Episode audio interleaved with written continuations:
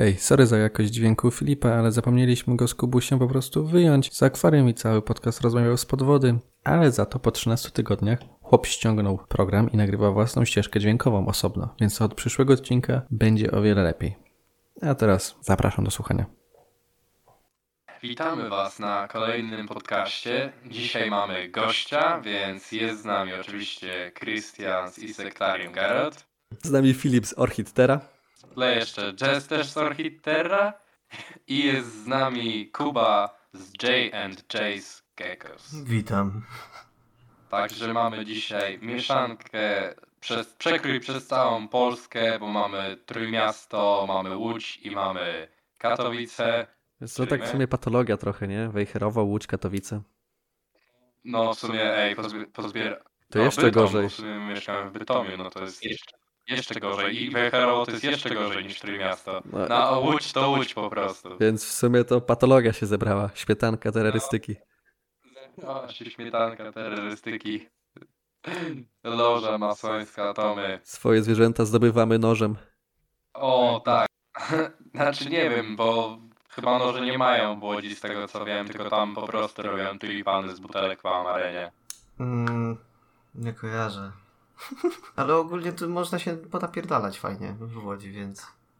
No, no nie, no wiesz, na przykład jeśli mowa o Łodzi, to e, ja kiedyś jak byłem w Łodzi, to było jedyne, teraz jedno z dwóch miast, wcześniej jedyne miasto, gdzie żul zamiast poprosić mnie o 2 zł na piwo, poprosił o 10 zł, bo mu zabrakło do grama. Oczywiście grama cukru.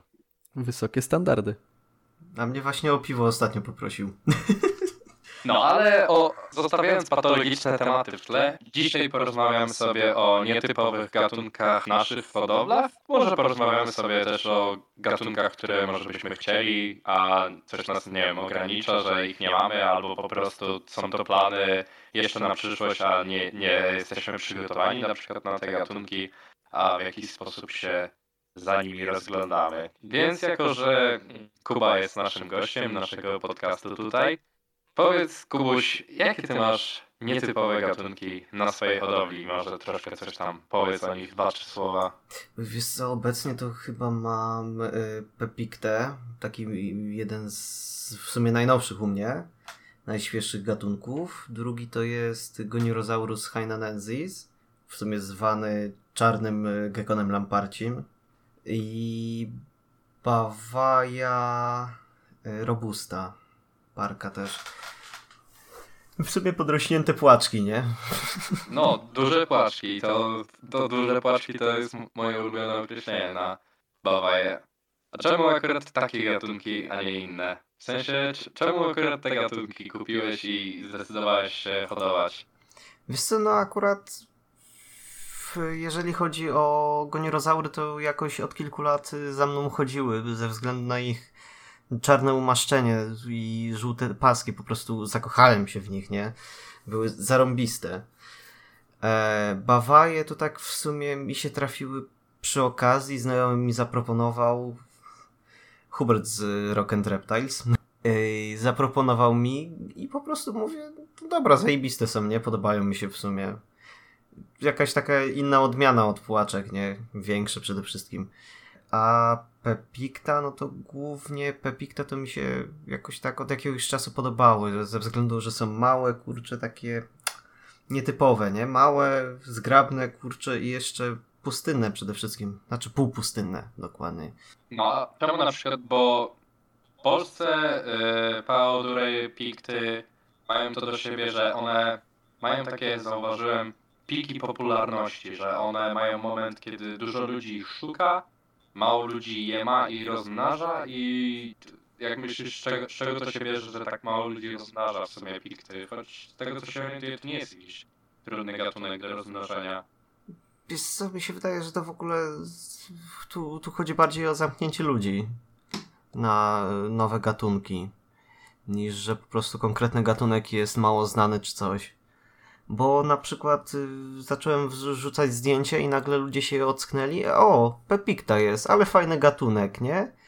I parę osób na przykład po wrzuceniu zdjęć odezwali się do mnie od razu i takie, ej, masz? Ja mówię, nie, nie, jeszcze nie. No bo to, to jest ten minus jakby w polskiej terrorystyce, który też poruszaliśmy z Krystianem na poprzednich podcastach i Jess poruszała y, z Nati i Jess też poruszała ogólnie na naszych podcastach, że w Polsce jest to jakby, przynajmniej w tym środowisku jaszczurkowym, no w innych gatunkach też bardzo często, ale tak y, przy jaszczurkowym y, środowisku jest jakby bardzo często zamknięcie się na ten trójkąt, na te top 3, na tą tier listę najbardziej popularnych gatunków, czyli lamparty, orzęski, brodacze. W ogóle w całej terrorystyce tak każdy, jakieś, powiedzmy w jakiejś grupie są jakieś takie poszczególne dwa gatunki lub jeden, który jest taki topowy i reszta nagle znika dla innych. Tak, no, jest, jest to bardzo, no, no szkoda w sensie, że terrorystyka no, musi się bardziej rozwinąć, żeby te mniej popularne gatunki też dało się dostrzec, bo w Polsce da się kupić bardzo dużo ciekawych gatunków. To nie to, że ich nie ma, tylko pojawiają się raczej rzadziej ich oferty niż takich stricte typowych gatunków i trzeba mieć po prostu oczy szeroko otwarte, żeby, żeby trafić na kupno takiego, takiego zwierzaka.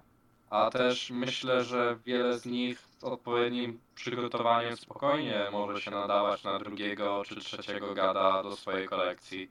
Nawet może pierwszego w sumie. W sumie. No, patrząc na przykład na y, goli, ja uważam, że to, są, to jest gatunek, który spokojnie mógłby się nadać dla początkujących. Wiesz co, jedyny problem jaki ja mogłem zauważyć przez jakiś czas to jest po prostu wilgotność, nie? Utrzymanie wilgotności odpowiedniej.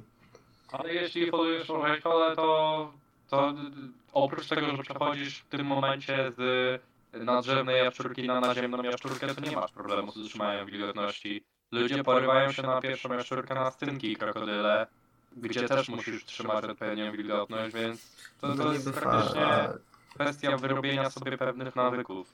Znaczy wiesz co, ja akurat swoim, y, swoim goniorosaurom spryskuję raz dziennie i to w zupełności wystarcza, bo, bo się utrzymuje wilgotność na odpowiednim poziomie. Sam sprawdzałem z hygrometrem przez kilka tygodni, przez tydzień, nie? I No, a jak, jak, jak to u nich wygląda? One na przykład piją wodę z miski?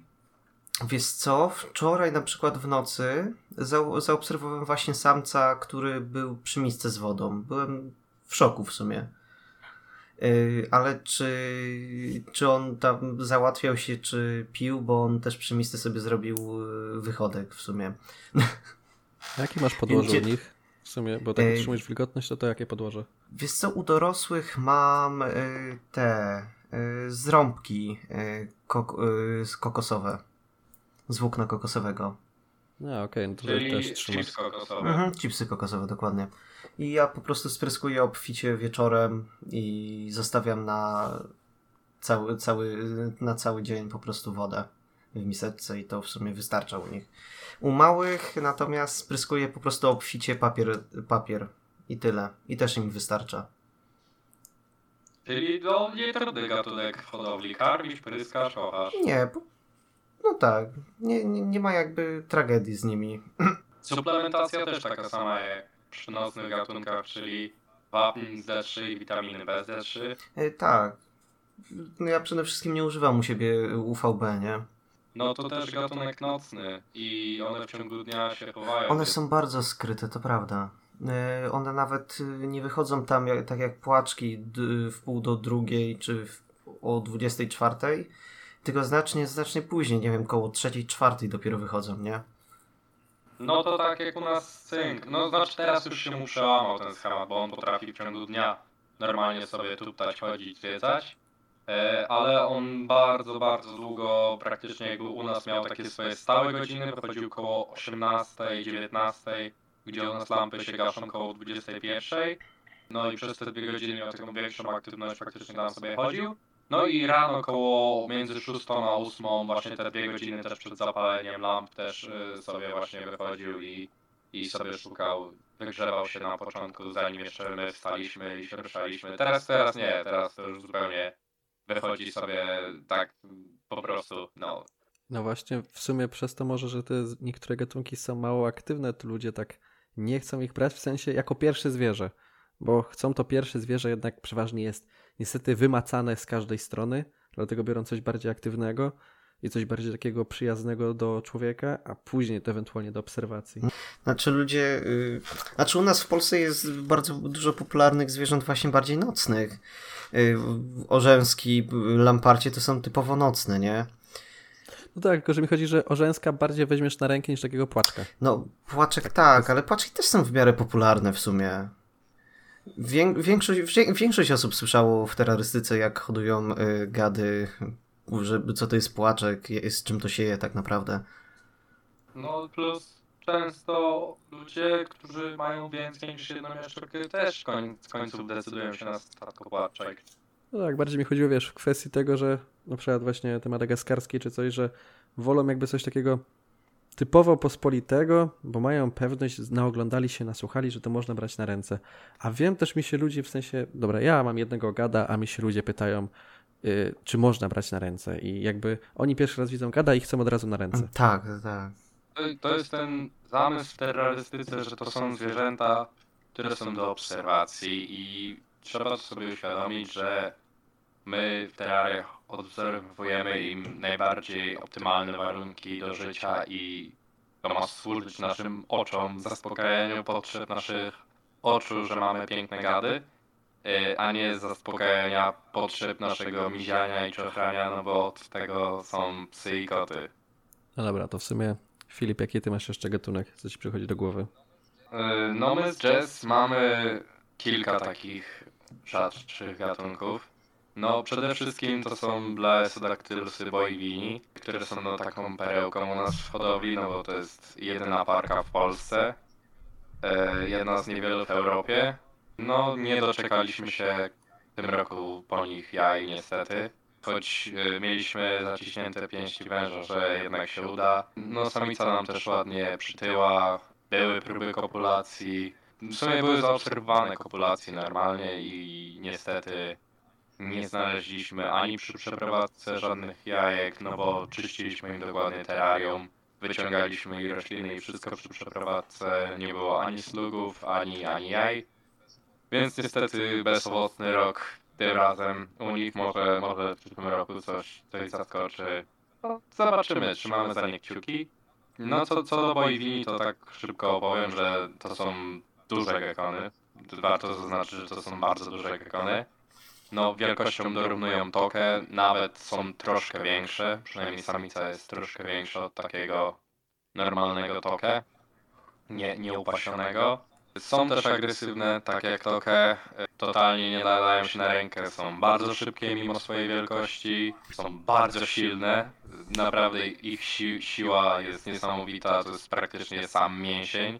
No, no, i są bardzo inteligentne, y, patrzą co się dzieje, obserwują. Myślę, że nawet mogą w jakiś sposób kalkulować sobie gdzie spadną, bo też nie, nie skaczą tak bezmyślnie jak na przykład Orzęski pusto w przestrzeń, tylko raczej jest to jakieś głębsze zastanowienie się nad tym, gdzie sobie skoczą. Y, co do diety, no to taka jak czyli właśnie y, i papki i owady. Y, my naświetlamy UVB, bo praktycznie są aktywne przez całą dobę. W ciągu dnia albo się wygrzewają i gdzieś na, na, na samym środku terrarium, czy to przyklejone do szyby, a w nocy sobie buszują, chodzą i polują. Więc praktycznie cały czas je widać, mimo dużej ilości kryjówek i bardzo dużego terrarium, to są cały czas widoczne. No to, to faktycznie to taka nasza perełeczka, jeśli chodzi o hodowlę. Co do takich innych rzadkich gatunków, jakich mamy, to mamy Tribolontusa Nowa Gwinea, czyli teraz już synka nowogwinejskiego, bo rozdzieliła się jego nazwa ze synkiem krokodylim w końcu. No mamy młodego samczyka, jednego, to jest w sumie taka nasza też perełka w hodowli, bo no bo nie wiemy, czy będziemy kiedykolwiek rozmnażać, czy w ogóle nam się uda znaleźć samiczkę właśnie Nowa Gwinea to, to będzie dosyć trudne. Ale no, co do, co do w ogóle samego trzymania go, no to tak samo jak scynki i krokodyle, raczej tam nie, nie odbiegają od siebie, jeśli chodzi o yy, poziom skomplikowania. Jedyne co się różnią to, to umaszczeniem.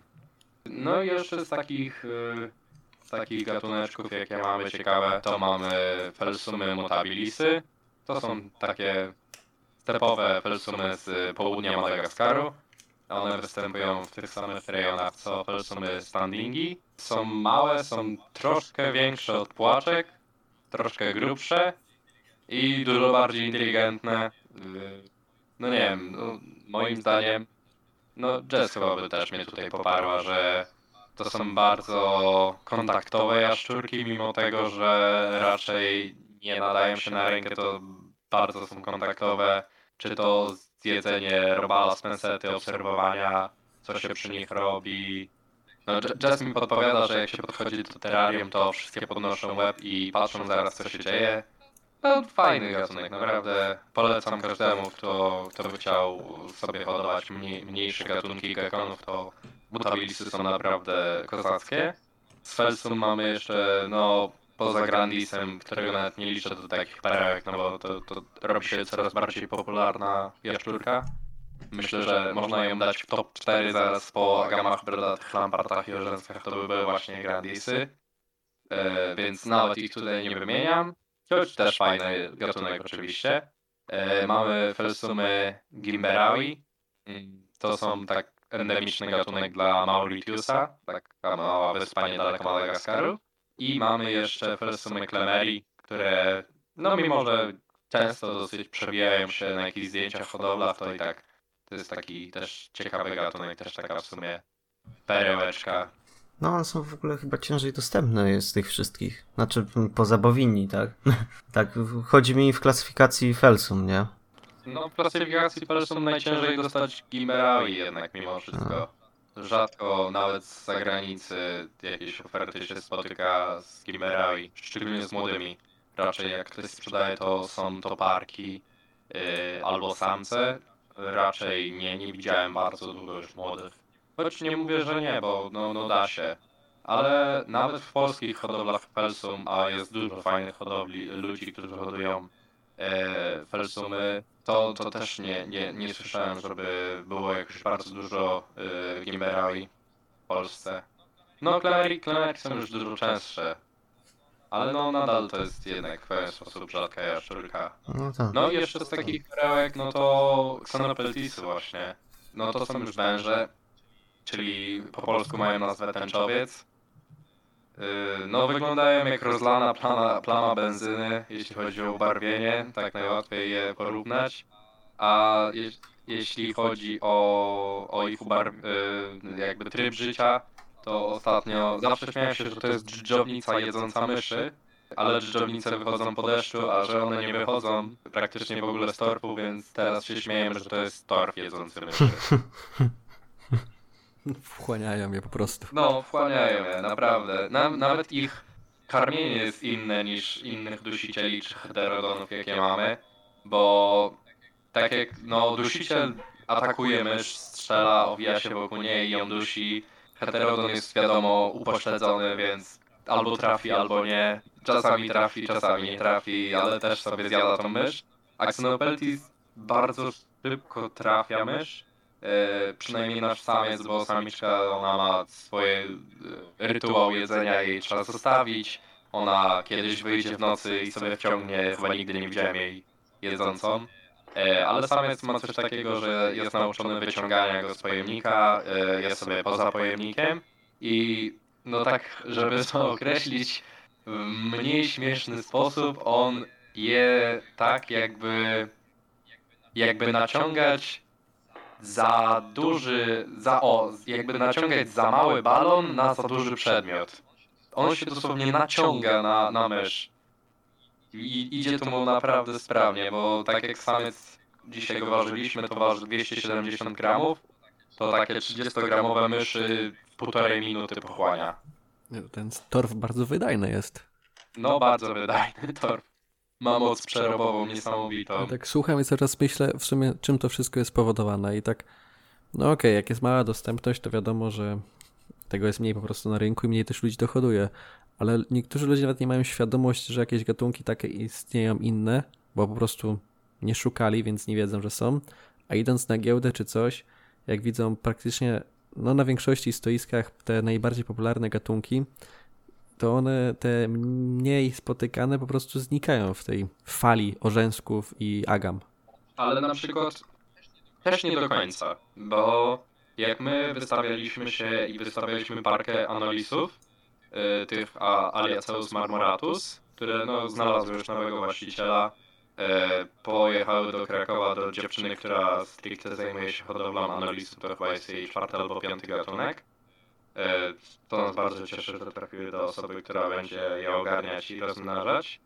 To było duże zainteresowanie, bo ludzie faktycznie ta, oprócz takich zwykłych gapiów, w cudzysłowie tak to określimy, zauważali to, że na stole jest coś innego, ciekawego, czego nie ma nikt inny na giełdzie i byli tym faktycznie zainteresowani. Ale widzisz sam fakt, że ludzie byli zainteresowani, ale jednak i tak poszło do specjalisty. Tak, tak, no, bo to tak, to tak jak, jak mówimy właśnie, że no, te mniej popularne gatunki nie są tak doceniane. Też nie do końca zawsze na każdego temat zna się, da, da się znaleźć odpowiednią ilość wiedzy i bez pomocy hodowcy może być często, gęsto, ciężko. Sami na przykład popełniliśmy rażący błąd, jak e, braliśmy mutabilisy, o których jest bardzo mało informacji w internecie i trzymaliśmy je tak jak tropikalne felsumy, no bo Twierdziliśmy, porównaliśmy sobie zdjęcia z Madagaskaru. Mówimy, ok, tropiki, tutaj Grandisy tropiki, Kimbe tropiki, Boivini też tropiki, no to, to, to, to też będzie tropikalna, normalna persuma. On, on się okazuje, że one żyją na południu Madagaskaru, który jest praktycznie stepem.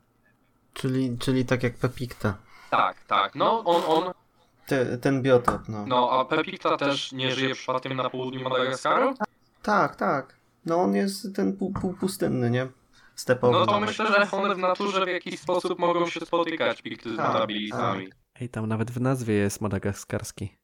No bo te, teoretycznie jako gekon madagaskarski też o, określa się felsumy Madagascarestitensis. O, Madagara, e, Madagare, Madagara... e, Makarena. Makarena.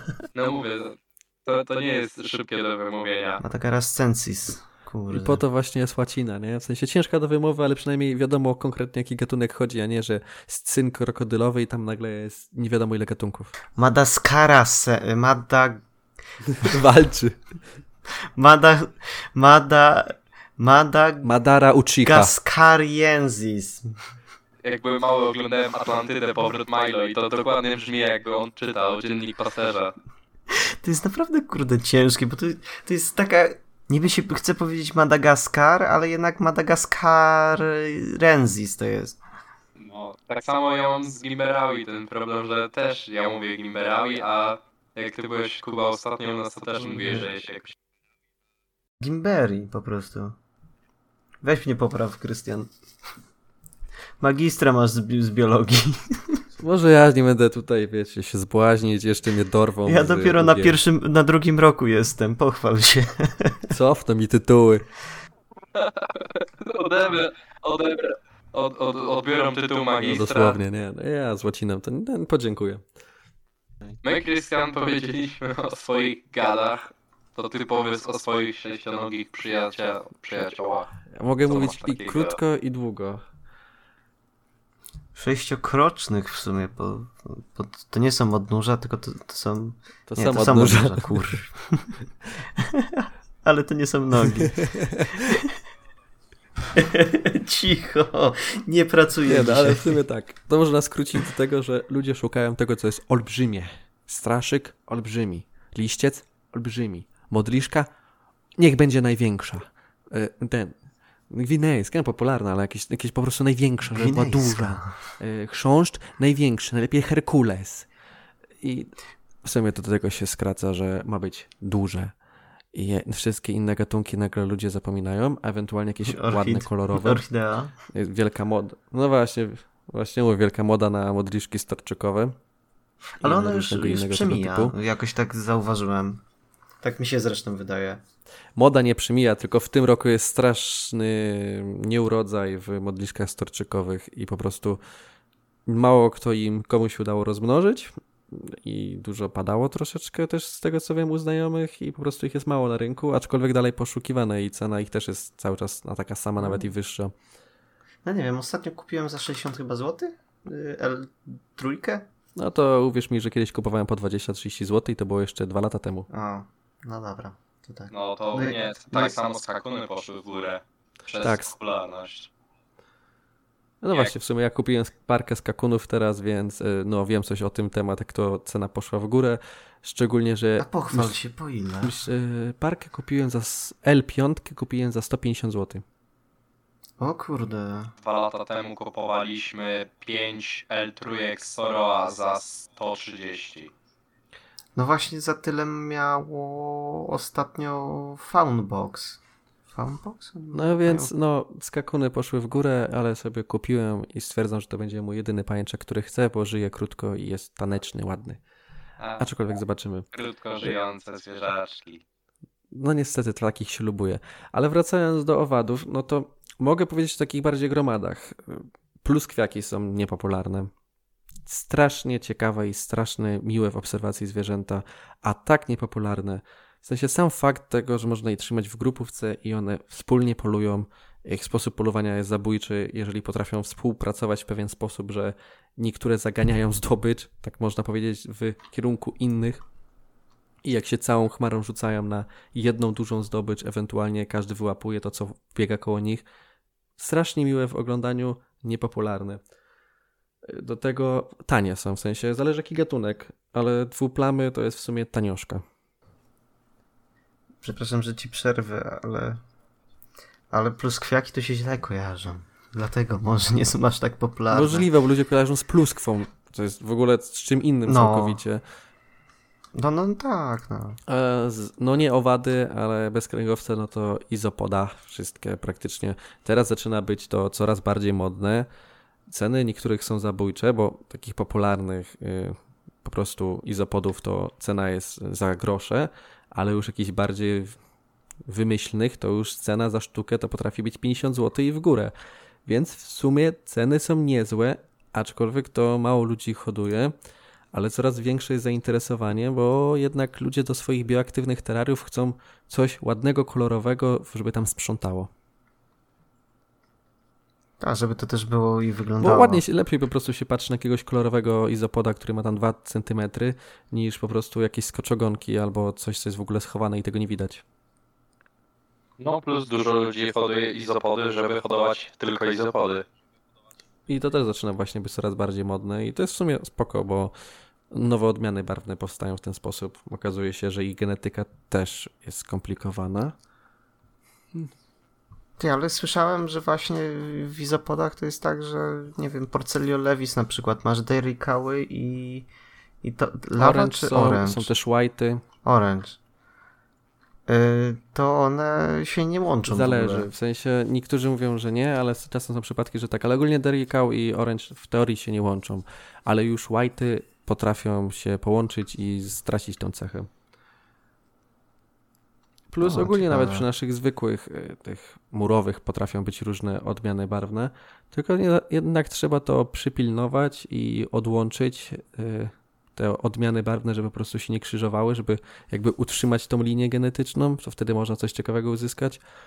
No ale wracając do owadów, no to w sumie wszyscy, jak mówimy o patyczakach, no to wszyscy mają na myśli patyczaki rogate, najpopos, najpospolitsze, którzy niektórzy oddają za darmo, bo się mnożą jak głupie. Ale jest cała masa patyczaków, która jest w ogóle niepopularna, mają je kilka osób na krzyż, a są strasznie ładne. To nie jest patyczek, który po prostu jest patykiem, tylko ma jakieś zabójcze kolory, niebieskie albo jakieś takie po prostu nakrapiane, biało-czarne i to już lepiej wygląda i to też jest większych rozmiarów niż taki zwykły rogaty. Są niebieskie patyczaki? Są niebieskie patyczaki. Widziałem. Różne, no straszyki trochę bardziej są popularne i tam duży jest wybór gatunków tak na co dzień. Jakieś australijskie, filipińskie, nowogwinejskie, diabelskie, no sporo ich jest, ale też są gatunki trochę mniej spotykane. Ale mówię, straszyki to jest inny rodzaj. Tam jest naprawdę różnorodność. W patyczakach nie masz różnorodności. Wśród modliszek no coraz więcej się robi, ale też ceny są tych rzadszych gatunków są większe, ale y, przykład mój, y, popas purka krasa, ogólnie to był chyba mój drugi lub trzeci gatunek, no to kilka lat temu, z 4 lata temu to chodziło za grosze, po jakieś 2-3 zł za sztukę. I nikt tego nie chciał, oddawali to w hurtowych ilościach, a aktualnie ten gatunek został jakieś, nie wiem, czystki się zrobiły, ja to mam, niektórzy też to jeszcze mają i chodzi za o wiele większe pieniądze niż na przykład taka liściogłowa, która była strasznie popularna i każdy chciał mieć liściogłową. I aktualnie liściogłowe potrafią być tańsze od tych patyczakowatych, czyli popa spórka krasa, co jest w ogóle hitem dla mnie, że w ciągu dwóch lat ta cena poszybowała jakieś 1000% w górę.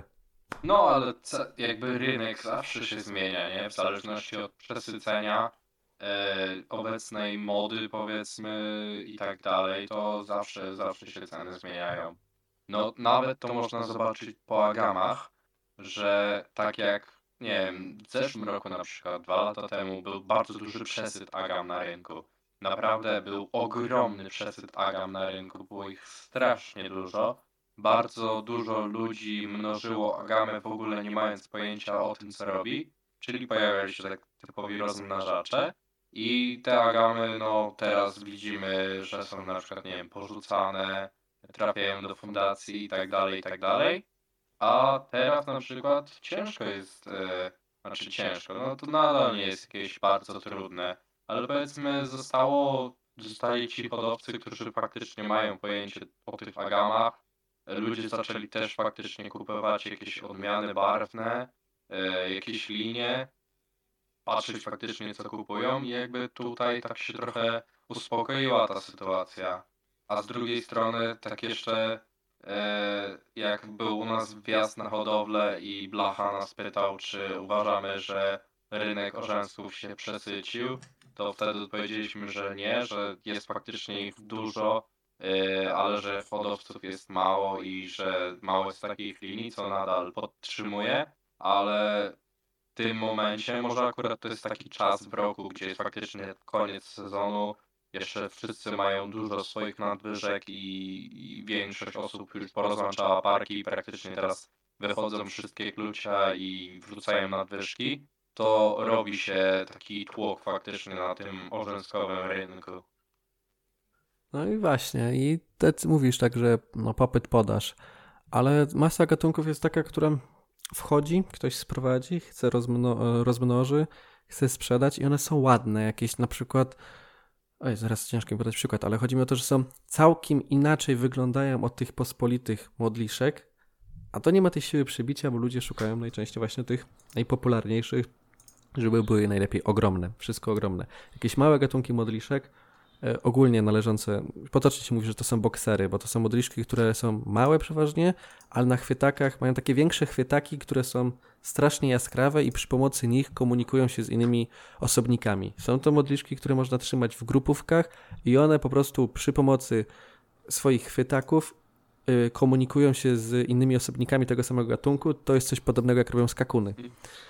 Co jest strasznie ciekawe w obserwacji, to są kolorowe modliszki, w sensie one często są brązowe, ale po prostu mają te chwytaki kolorowe, które często prezentują, ale też nie są popularne.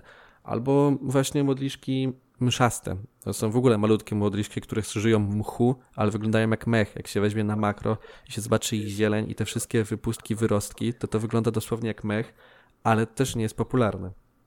Bo jest takie po prostu tendencja, żeby ten owad był jak no największy. Tak, duże lepsze. A no, wśród jaszczurek na przykład też tak jest, że jest mnóstwo pięknych, małych jaszczurek, które są naprawdę śliczne, jeśli chodzi o, y, o kolory. Na przykład y, są Legodactylus williamsi, który tak, no mniej więcej każdy powinien kojarzyć ja, jako, że to jest ten taki fajny niebieski y, gekon ale no na przykład z Legodactylusów jest bardzo dużo innych gatunków, które są jeszcze bardziej kolorowe. E, od e, Williamsi na przykład, albo jest dużo też kolorowych felsum, też małych. I no, no po prostu małe, małe też jest piękne. Otóż to, no ale mówię, kwestia nauczenia niektórych e, ludzi, pokazania, że coś jest fajne. I tutaj kwestia teraz, żeby kogoś jak mówię, nauczyć, ale żeby pokazać, e, że coś jest fajne, warte hodowli, to głównie trzeba socjalami, nie? żeby pokazywać zdjęcia, że to jest ładne, mogą być filmiki czy coś z hodowli tego, uświadamianie jakimikolwiek postami, że coś takiego istnieje, że jest to łatwe w hodowli i jest to w sumie ładne, to wtedy ktoś się może tym zainteresować i się poszerzy grono, ale tak to jest ciężko. No plus też nie każdy fanpage czy hodowla ma na tyle dużą siłę przebicia, żeby w ogóle e, no, przekazywać taką wiedzę. W sensie często ludzie widzą, o ładna jaszczurka, ładne zdjęcie e, i na tym skończy się ich zainteresowanie danym gatunkiem.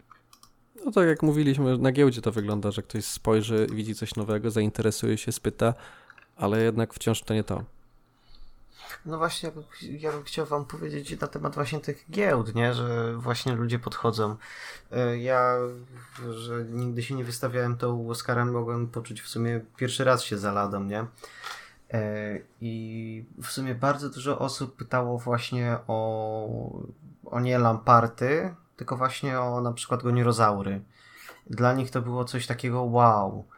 E, dzieci natomiast myślały, że to są odmiany po prostu lampartów. No wiesz, no i było no tłumaczenie ludziom, że to nie jest Lampard, że to jest to, tamto, tamto i że to jest w sumie rodzina, bo było tak podzielone, że goniozaury były na jednej sekcji, a Lamparty były na drugiej sekcji i jeszcze przedzielone były Felsumami i Pepictom, nie? Żeby, nie, żeby ludzie po prostu nie mylili tego, ale i tak było, były teksty, że no, są e, Lamparty. No, Black Knighty, Black to Knighty jest- to są panie. Tak, co, co jest dla mnie bardzo krzywdzące, że ludzie po prostu coś, no, no po prostu, no tak jak my się śmiejemy i porównujemy y, Bawaję do płaczków, tak?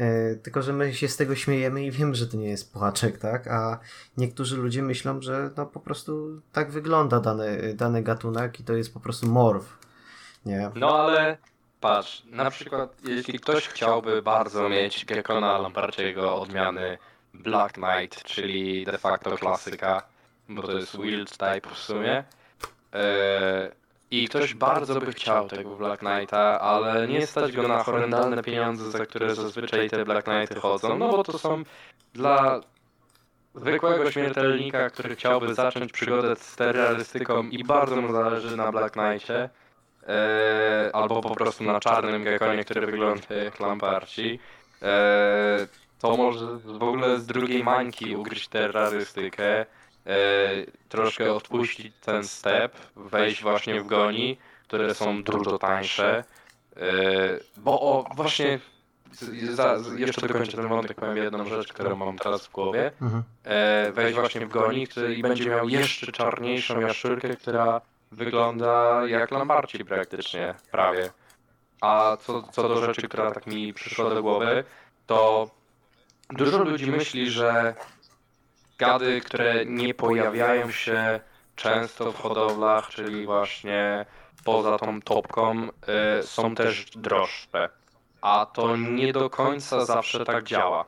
W sensie jest dużo gatunków, które są rzadko spotykane, są bardzo ładne, a są na przykład tańsze od orzęsków, lambartów i jakichś agamberdatych, które są z dobrych linii odmianowe, bo na przykład nie mają swoich linii i odmian te, te jaszczurki, tylko no to jest wild type i po prostu rozmnaża się ten wild type, no bo nie, nie ma jakby na tyle dużo linii, żeby coś z tego wyprowadzać. Najczęściej są to, jeśli już to lokalizacje i tylko tyle, ale to często nie są bardzo drogie gekony, w sensie naprawdę są orzęskie, które potrafią być droższe dużo, dużo bardziej. Mm, No, w sumie wiesz co, jak. Znaczy, z dobrej hodowli zwykły y, taki y, orzęsek, tak? No, to nie wiem, on chodzi o 300, około 300 wzwyż, nie? No to w takiej cenie kupisz goniorozaura. Bez problemu. Nawet zwykły. No, zwykły, zwykły nawet y, lamparci w takiej cenie też Tak, chodzi. z dobrej hodowli jak najbardziej. No, no, więc no jakby, no, no to jest no bardzo krzywdzące, że jest mało popularne, to ludzie twierdzą, że wydadzą nie wiadomo ile pieniędzy na to, a, a na wyposażenie to jeszcze trzy razy tyle. A często wymaga to podobnych wymagań jak gatunki, które już mamy. Na przykład o, takim przykładem gatunku, który został doceniony w ciągu ostatniego czasu, bo też nie możemy mówić, że o hurdur, tak jak Krystian mówił, że e, właśnie na przykład był popyt na liściogłową, a teraz e, te, te, te drugie, teraz nie pamiętam, są bardziej No, popularne. Co? Popki w skrócie. No, popki, no, że popki są teraz bardziej popularne, to na przykład gatunkiem, który był bardzo niedoceniany i było go dosyć mało, a na przykład w tym roku widzę ogromny pik jego popularności, to ga- gekony gargulcowe, które mają wymagania praktycznie takie same jak orzęsione i no, no nie były po prostu popularne. No, przecież one, one są też Tak, z to też jest nie? Kaledonia, tak jak, tak jak Bawaje, tak jak Olbrzymie, Mhm. e, tak jak e, Sasinorum. No jest dużo tych jakby gekonów z Nowej Kaledonii, dużo fajnych gekonów, o Omszałe jeszcze na W sumie ja się nie interesuję gadami, a sam widzę tych ofert ilość dużą, właśnie tych gargulcowatych. A ja właśnie nie zauważyłem tego wzrostu jakoś, nie wiem. Jakoś Dwie nie strony, w sensie umyć. jeśli widzisz tylko wzrost ofert, a mało sprzedaży, czy tam mało szukających, to nie jest to do końca dobre, bo to znaczy, że jest ślepy zaułek. Ale ja widzę to w dwie strony. Widzę ludzi i szukających gargulców, pytających o gargulce, nawet do nas ludzie piszą szukając gargulców, y, albo żebyśmy polecili kogoś od właśnie gargulców. I widzę też dużo ofert, y, czy to maluchów, czy to dorosłych nawet już gargulców. I faktycznie to jest gatunek, który tak zdobył tą swoją popularność, przynajmniej w tym roku, zobaczymy jak będzie to dalej. Ale myślę, że patrząc jak dużo fajnych odmian barwnych y, jest tego, czy to Red Stripe, czy, czy Orange Stripe, no jest tego naprawdę bardzo dużo y, fajnych odmian. Granit też mi się bardzo podoba, na przykład z takich odmian y, gargulców. Nie ukrywam, że też z tyłu głowy gdzieś nie mam, że chciałbym na przykład parkę gargulców, chociaż jedną. No, no mi się właśnie ostatnio też zachciało. też tak z tyłu To jest głowy się właśnie to, że się rodzi taki pomysł z tyłu głowy. No może za rok, dwa, trzy zrealizujemy, no zobaczymy. Chcemy, chcemy też więcej skorpionów pokupować, bo, bo, bo, bo Jess y, czuje ciągły brak skorpionów w naszym życiu. Y, jak już jej troszkę wybiłem z głowy skolopendry i przestała o nich ciągle mi truć dupę, to teraz przełożyła się na skorpiony. Więc chociaż jest jakiś postęp w, naszy, w naszej wspólnej decyzji, O, w sumie nawet jest urodzaj w skorpionach, gatunkach. W sensie są gatunki, które są bardzo popularne albo bardzo mm, pożądane, ale w sumie dużego wyboru tak czy siak nie ma. Tak, to prawda. Jest, y, w skorpionach masz też jeden duży minus przy hodowli skorpionów, y, który odróżnia hodowanie skorpionów od hodowania innych zwierząt, że bardzo dużo skorpionów, ogólnie bardzo dużo skorpionów i bardzo dużo łatwo mnożących się skorpionów jest w Polsce na pierwszej i drugiej liście zwierząt niebezpiecznych, na które trzeba mieć odpowiednie pozwolenia i y, konsekwencją tego jest a, że ludzie nie chwalą się, że coś mają, tych list. B, ludzie nie robią pozwoleń, a i tak coś mają, a to nie do końca tak powinno działać, bo nie tak działają pozwolenia i po coś one są. Czy to jest błędne, czy nie, to poruszaliśmy już u blachy na wjeździe na hodowlę, yy, tak szerzej, co do właśnie skorpionów. Yy, no i C, wybór, jeśli chodzi o małe jadowite skorpiony, yy, jest bardzo mocno zacieśniony, bo tak jak jeszcze w zeszłym roku, zeszły rok królowały heterometrusy i nadwyżek heterometrusów za grosze było naprawdę no multum. Nadal heterometrusy spadają ze swojej ceny i możliwe, że będzie z nimi tak jak kilka lat temu było z pandinusami, bo pandinusy powiedzmy 10-15 lat temu to były skorpiony, które były jak obecne heterometrusy, że dało się je kupić za grosze, łatwo się mnożyły, a obecnie pandinusy są takim rarytasem, że ludzie są w stanie wyłożyć naprawdę grube pieniądze, żeby mieć pandinusa. Mowa tutaj o, o imperatorach oczywiście, no bo ka- kawie mimusy są teraz mniej popularne. Oczywiście mogłem źle wymienić teraz łacińską nazwę, yy, no ale to, to już w komentarzu może mnie ktoś poprawić, aczkolwiek no wiadomo, że chodzi o tego drugiego pandinusa po prostu. Yy, no i jeszcze, no lechasy zawsze będą popularne, no bo to jest partenogenetyczny gatunek. Zawsze kto chciałby mieć na przykład drugiego skorpiona, y, ktoś z niezbyt silnym jadem, ale już przygotowującym na jakieś jadowitsze skorpiony, no to Lyfas jest takim fajnym przeskokiem.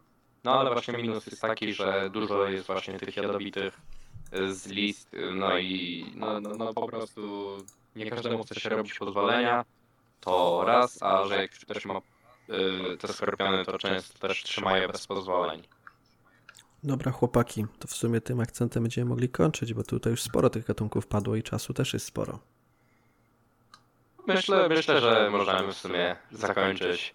Może, może jeszcze się spotkamy w tym gronie. Yy, musimy podziękować naszemu cudownemu gościowi z Łodzi, Kubusiowi. Który zdecydował się, że jednak dzisiaj z nami nagra podkaścik. Więc dziękujemy Ci serdecznie, Kuba, za obecność, za podzielenie się z nami. Dziękujemy za połączenie naszego, naszej północy z południem. Będziecie takim centrum. Tak, stworzyłem taki most między, łączący dwie, dwa końce No Polski. dokładnie. Jesteś Czy na naszym mostem. Trzeba podziękować ludziom, którzy to wysłuchali i e, przypomnieć o subskrypcji, lajkach, bo jak zwykle zapomnieliśmy powiedzieć na początku.